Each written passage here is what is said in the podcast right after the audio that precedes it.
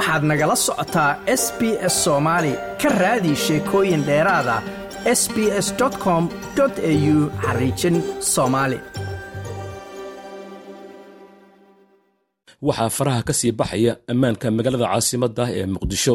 Xilli ay sii kordhayaan falalka dilalka ah ee ka dhanka shacabka ka oo ay geysanayaan ciidamada dowladda ee ku sugan waddooyinka caasimadda falalkan dilalka ah ee ka dhaca muqdisho ayaa waxaa inta badan loo geystaa darawallada ku shaqeeya mootobajaajta oo ah gaadiidka inta badan ay isticmaalaan shacabka gobolka banaadir waxaana falkaasi u dambeeyey laba wiil oo dhallinyaro ah oo ka mid ahaa darawallada mootooyinkaasi kuwa oo askar ka tirsan ciidanka dowladda goob aad isugu dhow midna ay ku dileen midna ku dhaawaceen. Kadib falkaasi ayay dhallinyarada iyagoo ku xamaasha mootobajaajta waxay isugu soo baxeen waddada kilomitir for ilaa iyo zoobe halkaasoo ay ka dhigeen dibadbax cabasho ah iyagoona madaxda dowladda ka codsaday in cadaaladda la hor keeno askartii ka dambeysay. Falalkaasi lagu dilay islamarkaana lagu dhaawacay dhallinyaradaasi xogsatada ahayd dowladda waxaa laga rabaa laba mid inay soo caddayso bajaajle inay noqdaan udur dowladda ka madax bannaan oo naftooda iyo maalkooda difaacdo. Diinta islaamkaadna amrayso dastuurka dalkaa qabo cid lagaaga aabiyeelaayana ma jirto. Ta kale maya dilka maalin kasta dil hala daayo. Waa la wadooyaa hala daayo waa la wadooyaa.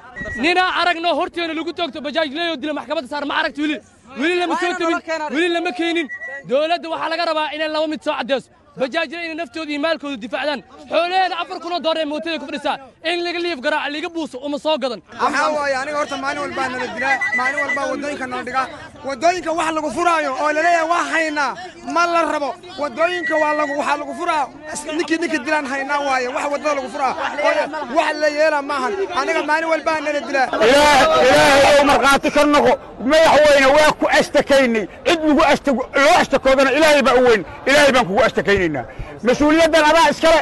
Qof kale ma lahan dadkan dadka laynaayo adaa mas'uul ka ah kursigaan ninkii afaraadaa la dhaawacay kursigan kursigan adaa soo doontay.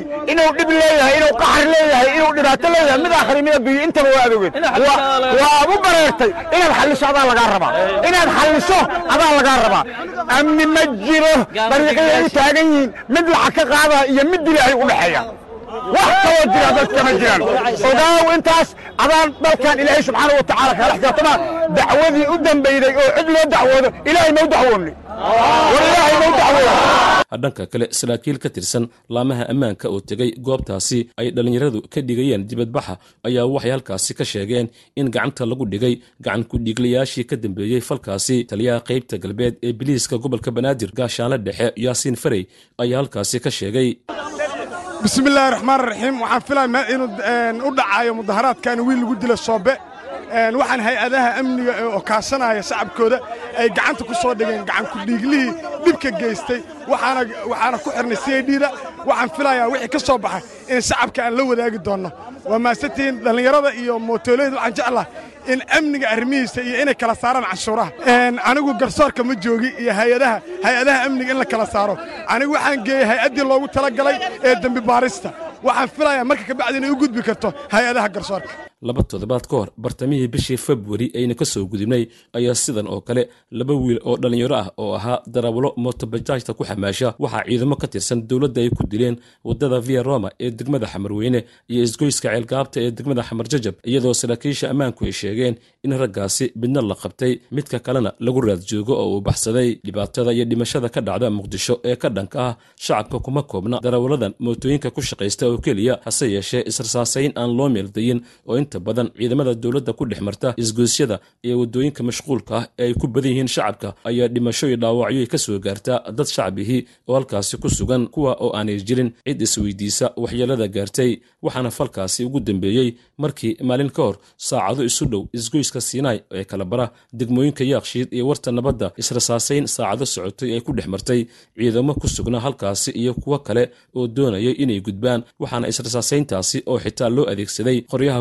boobayaasha ku dhintay ilaa iyo shan ruux oo shacab u badan islamarkaana ay ku dhaawacmeen lix kale oo uu ku jiro guddoomiyaha maamulka degmada yaakshiid guddoomiyaha gobolka banaadir ahna duqa magaalada muqdisho yuusuf xuseen jimcaale madaale oo siyaasiyiinta dhaliila dowladda ay dusha uga tuurayaan eedaha ku aadan in maamulkiisa uu ka gaabiyey wax ka qabasho la'aanta ammaan xumida caasimadda ayaa booqday isgoyskaasi siinaay oo ay ku wada dagaalameen ciidamo ka wada tirsan kuwa dowladda. Duqa muqdisho oo goobta ka hadlay ayaa marka hore ka tacsiyeeyey dadkii ku dhintay falkaasi oo isugu jiray askar iyo dad kale oo shacab ah oo aan waxba galabsan. Sidoo kale waxa uu tilmaamay in aan la aqbali karin in maalin kasta ay dagaalamaan ciidamo dowladda ka wada tirsan islamarkaana ay ku dhintaan shacabkii ay ilaalinayeen amnigoodii. Awalan waxaan halkan tacsi uga diraynaa dadkii soomaaliyeed ee maanta halkaani ashidantigii ka dhacay ku geeriyooday oo shacabka ahaa iyo ciidankii ku dhintay intaba innaa lilaahi wa innaa ilayhi raajicuun ayaan leennahay waxaan joognaa iskuuska siinaay oo aan ku soo baxnay annaga iyo maaragtay taliyayaashii ciidamada ee booliiskii iyo nabad sugiddii iyo guddoomiyaashii degmooyinka gobolka banaadir. Qayb ka mid ah iyo guddoomiye ku-xigeenkaygii amniga ee siyaasadda mustaribo iyo dhammaan saraakiisha halkan taagan. Runtii waxaan la danqanaynaa shacabkii ayagoon waxba galabsan halkaanay galabtii wax ku gaartay ay ku gaareen oo runtii dhaawacyo iyo dhimasho intaba ay dhacday iyo guddoomiyihii degmada yaakshiid oo isaguna dhaawac ku gaaray iyo ciidankii labada dhinac. Intii nooga dhimatay intii ku dhaawacantay intaba waxaa waaye waxaan leennahay allah naga wada sabar siiyo. Intaa kadib runtii way nagu badatay dhacdooyinka noocaana way nagu bateen loomana dulqaada kara runtii maalin kastaba qof iska berii ah oo aan waxba galabsanin inuu xabad ku dhinto waa nasiib darro. Weliba adigoo rabta inaad naf badbaadiso oo ay hadafkaad u joogto halkan uu yahay inaad naf badbaadiso inaad naf kala goyso waa runtii waa nasiib darro.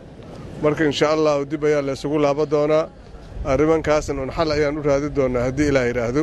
Guddoomiye madaale ayaa sidoo kale waxa uu shaaca ka qaaday in dhammaanba la xiray askartii ku sugnayd kontaroolkaasi qodobka labaad ee runtii dhacdada meeshaan ka dhacday xanuunka badneeday kulli ciidankii halkan joogay ee ama buliis lahaa ama ay adigii kaloo amniga iskugu jiraan kulligood xabsigaa la wada geeyey baaritaan ayaana lagu jiraa c i d ayaana lagu wareejiyey iyo maxkamaddii ciidamada qalabka sida xeer ilaalinteedii ayaa lagu wareejiyey. Waxaana rajaynayaa inay dadkaasi cadaalad ay helaan ayaan rajaynaynaa. Waxaan rabnaa dadkii walaalahayna ahaa ee halkaani dhibka kula dhacay annagoo la kurboonayno lana murugoonayno ayaan saacaddaani waxaan halkan u nimid inaan uga tacsiyeyna dhibkii dhaawicii iyo dhimashadii ka dhacday halkan iyo meel kasta oo dhib ka dhacayba. Marka sidaa darteed waxaan rabnaa oo aan ka wada hadalnay anaga hay'adihii amniga in dadkaasi dadkii wax u geystay laasim la marsiiyo habkii sharcigaah la marsiiyo oo aan loo jixinjixin kulligoodna hadda xabsigay jiraan baaritaan ayay marow hayaan. Hay'adihii baaritaanka ayaa lagu wareejiyey ayagaana ku shaqa leh ayagaana ka sugaynaa haddii ilaah yidhaahdo. Marka insha allah waxaan rajaynaynaa dhacdooyinka noocaana inay naga yaraadaan.